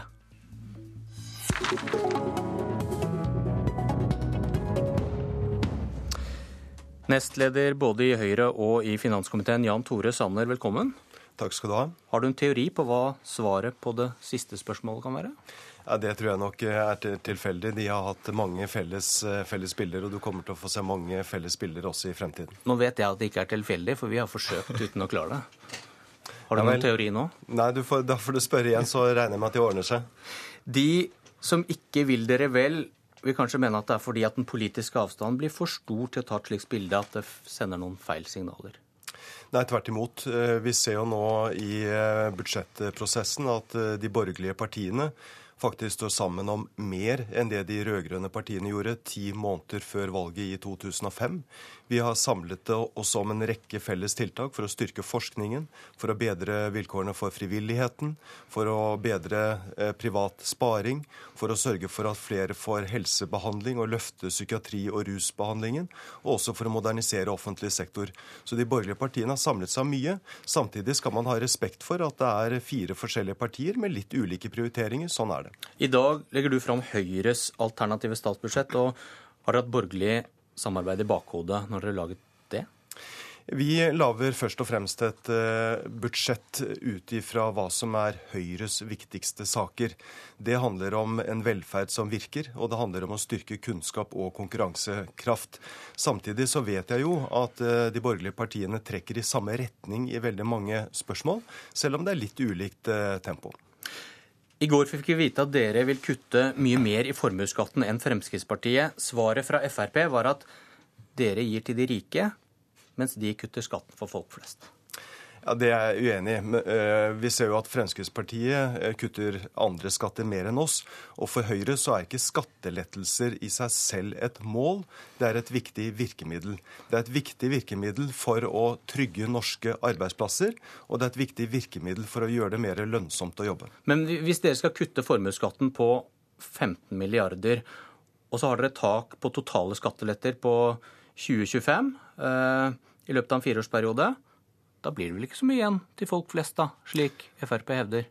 Ja, nå, nå, er det en premiss i spørsmålet ditt, nemlig at uh, formuesskatt uh, ikke dreier seg om folk flest. Der er jeg uenig med deg. Det er Frp sitt premiss, da, eventuelt? Ja, fordi at uh, formuesskatt det handler om å trygge norske arbeidsplasser. Det er en særnorsk skatt på norske arbeidsplasser, og det er derfor Høyre ønsker å trappe den ned. Så er det jo også slik at, at Høyre ønsker å, å øke noen miljøavgifter for å få en mer offensiv miljøpolitikk. Det er det man kaller for skatteveksling. Det gjør vi også i det budsjettet vi legger frem i dag. Så det skal bli godt rom både for å senke skattene på lave og vanlige lønnsinntekter og trygge norske arbeidsplasser. Men som sagt, dette er et virkemiddel. Eh, virkemiddel sammen med andre, andre spørsmål. Eh, når vi setter kunnskap og konkurransekraft på dagsorden, så handler det om skole, det handler om høyere utdanning, det handler om forskning, det handler om innovasjon. Når vi snakker om velferd som virker, så handler det også om at flere av de som står utenfor arbeidsmarkedet, skal komme inn i jobb, og da må det også bli mer lønnsomt å jobbe. Vi får invitere til en krangel med Frp en annen gang. Vi har med oss en annen gjest, Torgeir Micaelsen, leder i finanskomiteen fra Arbeiderpartiet. Det kom en påstand her i sted fra Sanner om at vi på borgerlig side er enige om mer nå før dette valget enn det de rød-grønne var før 2005. Ja, til Det er det to ting å si. Først denne eh, mangelen på ønske om å bli tatt bilde sammen på eh, Høyre- og Frp-siden av politikken. Det er jo riktig at eh, det Jan Tore Sanner sier, at det gjør de jo eh, stadig vekk. Problemet er at de bare tar bildet sammen om de tingene som er et åpenbart at man burde være enige om, eller ting som det er veldig lett for hele Stortinget å stille seg bak. Ønske om mer penger til ulike gode formål. Da stilles det stadig vekk eh, opp på både fotoseanser og felles intervjuer. Det derimot ikke er mulig å få dem til å stille opp verken til felles debatt eller til felles bilde om, er jo de vanskelige sakene. Og mens vi da før valget i 2005, altså Arbeiderpartiet sammen med de andre rød-grønne partiene, avklarte skattenivå, om handlingsregelen skulle ligge til grunn for den økonomiske politikken, og de vanskelige utenrikspolitiske sakene EU, EØS, Nato så er jo ikke de i nærheten av å, å kunne samles om noen av de tingene. Det syns jeg er alvorlig. Eh, men jeg tror likevel at jeg tror på de når de sier de vil samarbeide, og derfor vil de bli enige om det, selv om vi ikke får svaret for valget. Men det kunne jo vært artig å si, Sanner, om, om, du i hvert fall kunne være så ærlig å si at dere er jo ikke i nærheten av å være enige om de viktigste sakene, men dere er enige om de tingene som strengt tatt alle er enige om. Jeg kunne sagt noe syrlig om EØS nå, men jeg gir isteden ja, ordet til nå, Jan Tore Sanner. Nå kan det hende at vi er litt eh, uenige om hva som er de viktige sakene. Jeg mener at noe av det aller viktigste for Norge er at vi investerer mer i forskning. Det har vært nedprioritert av den rød-grønne regjeringen. Noe av det aller viktigste er at vi bygger opp under frivilligheten. Det ønsker vi å satse på. Noe av det aller viktigste er å gjøre det mer lønnsomt å spare. Og noe av det aller viktigste er å modernisere offentlig sektor. Der har vi også felles forslag. Det er riktig at de rød-grønne avklarte en del spørsmål før valget i 2005. Nå ser vi åtte år senere, så sprekker de, sprekker de på de aller fleste områdene. Vi ser at eh, både Senterpartiet og SV ønsker omkamp om EØS. Vi ser at SV ønsker å melde Norge ut av Nato, eh, og de ønsker et høyere skattenivå. Slik at den enigheten som var, den sprekker. Jeg har gått igjennom og sett hva de rød-grønne var enige om ti måneder før valget i 2005. Ja, Det var en tre-fire merknader og tre forslag. Vi har lagt frem en serie felles forslag som jeg mener peker en, en ny retning for Norge, hvor vi skal styrke forskningen for fremtiden, bygge opp under frivilligheten og gjøre det mer lønnsomt å spare. Det er vanskelig å måle dette, Michaelsen. Kanskje dere bare er enige og uenige om hva som er viktig og ikke? Jeg er veldig enig i mange av de forslagene som Sanner tar opp her. og Derfor har vi ikke nedprioritert forskningen. Vi har tvert imot økt den med reelt 32% og er det landet i OECD-området som eh, ja, nest best eh, på offentlig finansiert forskning. Så jeg syns det er litt merkelig påstand. Eh, hva er de viktige tingene i livet? Nei, Det er jo selvfølgelig noe man kan drøfte langt og lenge. Men jeg synes jo det er ikke et urimelig krav at man f.eks. kunne blitt enige om skattenivå, en relativt Eh, viktig bestanddel i den økonomiske politikken. Jeg har lyst til å stille deg et spørsmål der, Michaelsen. For når det gjelder deres påstand om at skattelette er usosialt, det vil ramme velferden, da bør dere vel gå til valg på økte skatter, da? Nei, fordi jeg mener at eh, kampen i Norge i dag står ikke mellom de som øker, ønsker økte skatter, kontra de som eh, ønsker å beholde dagens skattenivå, som jeg gjør. Eh, det står mellom to høyrepartier, som da har lovt velgerne nå at de skal kutte skattene, henholdsvis fra høyre side med opp mot 25 milliarder kroner i året eller Frp, som denne uka på nytt har gjentatt ønsket om 100 milliarder. Og Jeg er ikke der at Norge i dag trenger å øke skattene. Men, men det, er, det, er, noe med logikken i at skatte- og avgiftsnivået fra 2004 alltid er det perfekte uansett. Nei, det det Samtidig som dere sier at skattelette er usosialt. Er det ikke en logisk konsekvens der at hvis man øker skattene med deres logikk, så vil man få råd til mer velferd. Nei, det er det ikke. For det er en, eh, en balansegang med hvordan man skal innrette skattepolitikken. Det er ikke sånn at man Men det, er den balansen helt lik hele Nei, tiden? Det er, det ikke bare et kompromiss med SV, dette? Det er et kompromiss, men det er også et rimelig ankerfeste for skattepolitikken i Norge. Som det har vært bred politisk enn eh, Absolutt. Hva er det næringslivet først og fremst etterspør? Det er forutsigbarhet. Ikke at man hvert år i Stortinget skal drive og diskutere om skattene skal opp eller ned. Men da har du gitt opp å bruke skattepolitikken som virkemiddel i økonomien? Nei, det har jeg ikke. fordi jeg mener at vi har gjort en rekke endringer, f.eks. i formuesskatten. I dag er det fem, altså bunnfradraget i formuesskatten fem ganger høyere enn da Eh, Per Kristian Foss og Jan Tore Sanner styrte butikken for sju år siden. Hovedpoenget mitt er bare at de, jeg tror de kommer til å bli enige om skattepolitikken. Jeg. jeg tror de kommer til å bli enige om den økonomiske politikken. Problemet er at vi får ikke dette, disse svarene før eh, valget, og derfor er det usikkerhet om dette. Og mens jeg har styrt med SV og Senterpartiet i syv år, så har Jan Tore Sanner hatt syv år på å bli enig med Ketil Solvik-Olsen og Siv Jensen om den økonomiske politikken, og er dessverre ikke noe særlig nærmere. Ja, nå, nå, sa du jo egentlig to ting, Torgeir Micaelsen. Du sa både at vi kommer til å bli enige, og, og at vi ikke kommer til å bli enige. Eh, jeg er overbevist om at vi kommer til å bli enige, og vi ser at de fire borgerlige partiene trekker i samme retning i veldig mange, mange spørsmål. Og selvsagt har programlederen rett i at uh, hvis man hevder at uh, moderate skattereduksjoner går utover velferden, så burde det jo selvsagt være logisk at Arbeiderpartiet gikk inn for skatteøkninger. Samtidig har jeg lyst til å si at, uh, at skattereduksjoner har ikke noe forkjørsrett i Høyres alternative budsjetter. Vi er opptatt av at, at vi skal finne rom for å satse på kunnskap, på forskning. Vi skal ha en velferd som, som virker. og det betyr at skattereduksjonene de må gjennomføres i et omfang som er tilpasset den økonomiske situasjonen. Men for oss er det et viktig virkemiddel. Når vi ser at norske arbeidsplasser har en særnorsk skatt, ja, så gjør det arbeidsplassene mer utrygge når de får den på toppen av det hele, når markedet ute faller og du har et særnorsk kostnadsnivå hjemme. Når vi ser at altfor mange er utenfor arbeidsmarkedet, vel, så er det for oss viktig å redusere skatten på de lave og vanlige lønnsinntektene. Det er ett av virkemidlene for å bygge Norge for fremtiden, og det skal vi gjøre samtidig som vi satser på kunnskap og forskning. Men Jan Tore Sanner, problemet er at retorikken din henger ikke sammen med hva dere gjør i praksis. I det alternative budsjettet som gjelder da fram til i dag, nå skal dere legge fram en nytt senere i dag, der bruker dere ti ganger så mye på skattekutt som dere bruker på det dere satser på forskning, som du sier. Dere bruker fire ganger så mye på skattekutt som dere gjør på veiinvesteringer. Så det står ikke til troende når du sier at det er de viktigste tingene, er alt annet, og så kommer skattekutt liksom likeverdig ut. Så det er altså øh, er jo det som er tilfellet. Igjen, jeg tror de kommer til å bli enige, og da kommer kutt skattene i Norge til å være betydelig lavere hvis Jan Tore Sanner og Siv Jensen får lov til å styre Norge. Jeg mener at vi skal bruke handlingsrommet i den økonomiske politikken de neste årene på å investere i fellesarenaene i samfunnet, ikke bruke det på skatt. Det, det, det, gleder meg at uh, Torgeir Micaelsen slår fast at vi kommer til å bli enige. Det gjør vi. og det, det, er de fire borgerlige partiene, Venstre, Kristelig Folkeparti, Høyre og Fremskrittspartiet. Vi har allerede nå samlet oss om viktige prioriteringer på forskning, på frivillighet, på, på helse, modernisering av offentlig sektor. Men ikke på de avgjørende sakene. Og vi kommer til å se eh, større borgerlig enighet i det året som kommer, og velgerne kommer, til å, se, og velgerne kommer til å se tydelige alternativer.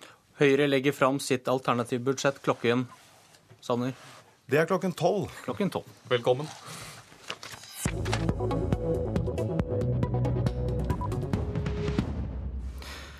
Ble lederen av Oslo SV skjelt ut og truet av Stortingets visepresident Akhtar Chaudhry fordi hun støttet Heikki Holmås på Facebook. Det hevder leder i Oslo SV, Nora Fjelldalen, Chaudhry nekter. Saken står på trykk i VG, og i dag skal nominasjonskomiteen bestemme seg for om Holmås eller Chaudhry skal innstilles på topp. Vi fikk ikke tak i Fjelldalen eller Chaudhry, men leder i nominasjonskomiteen, Kim André Aasheim. Eh, hvorfor tror du denne saken dukker opp i dag? Nei, det har jeg ingen eh, formening om. Eh, det som eh, er sikkert, er at vi skal sette oss ned i kveld, og så skal vi gå gjennom den helhetlige lista til stortingsvalget vårt. Men tror du VG-oppslaget kan være et forsøk på å påvirke deres arbeid? Nei, det tror jeg ikke. Vi eh, hadde frist til eh, i, altså vi hadde frist til i dag med å legge fram. Vi hadde møte i går kveld, eh, og da ble vi enige om å utsette møtet til i dag. Og grunnen til det var fordi vi fikk beskjed i går om at Akhtar Chaudhry kun var tilgjengelig for førsteplass. Og det ble så kort tid for oss at vi måtte utsette det i dag. Så hvis, hvis det har noen sammenheng, så er det noe som er veldig god planlegging. Tror du det er et forsøk på å påvirke utfallet på nominasjonsmøtet, som er litt lenger fram? Nei, det tror jeg ikke. Hvem er din kandidat? Eh, jeg støtter Heikki Holmås, i likhet med to tredjedel av eh, nominasjonskomiteen. Og denne saken her, den kan man jo si styrker Holmås sitt kandidatur? Nei, vi kommer til å gå for en god prosess uh, uansett, så uh, jeg kan ikke kommentere den saken. Vil du gjøre noe for å finne ut om det er sant, det som påstås i VG? Jeg vil eh, selvfølgelig prate med begge de to som er involvert i den saken eh, som er nevnt i VG i dag, ja. Hvordan syns du saken ser ut slik den står å lese i VG, med, med da påstanden om at hun ble skjelt ut, og svaret fra Sjådri om at nei, det var ikke det som skjedde? Nei, det eh, har jeg ingen kommentar til. Hvorfor ikke? Nei, Nå skal vi ha en, et møte i kveld der vi skal diskutere resten av, av lista. Og så får vi en god prosess på det. Og så skal jeg prate med de to som er involvert i saken. Dere satt i møter til langt på kvelden i går og nytt møte i kveld, som du sa. Hvorfor er det så vanskelig å bli enige i komiteen? Ja, nei, altså Vi fikk beskjed fra Akhtar Chaudhry i går først, altså seks timer før møtestart, om at han ikke ønska å stille til tredjeplass. Eh, og et eh, stort flertall i komiteen ønsker han veldig høyt på lista. Når han da ikke er tilgjengelig, så, så trenger vi litt ekstra tid for å tenke oss om. Eh, sånn at det vil da for det, det viktige spørsmålet vil være hvem vi skal hvem flertallet ønsker å sette på en tredjeplass. Du, hva, hva, hva, blir konsekvensen av det ultimatumet fra Chaudhry? Nei, Konsekvensen er at uh, da er det enten Heikki eller Aktar som, som vil ende opp på, på førsteplass. Og den som ikke får førsteplassen, vil uh, ikke stå på lista. Hva tror du kommer til å avgjøre den prosessen her nå? Vi har hørt om ganske massiv verving. Ja, altså det er jo klart at uh, de som, uh, de som uh, får flertall på nominasjonsmøtet den 4.12, vil jo selvfølgelig være den som ender opp på, på førsteplass. Det var et godt og selvfølgelig svar til slutt der.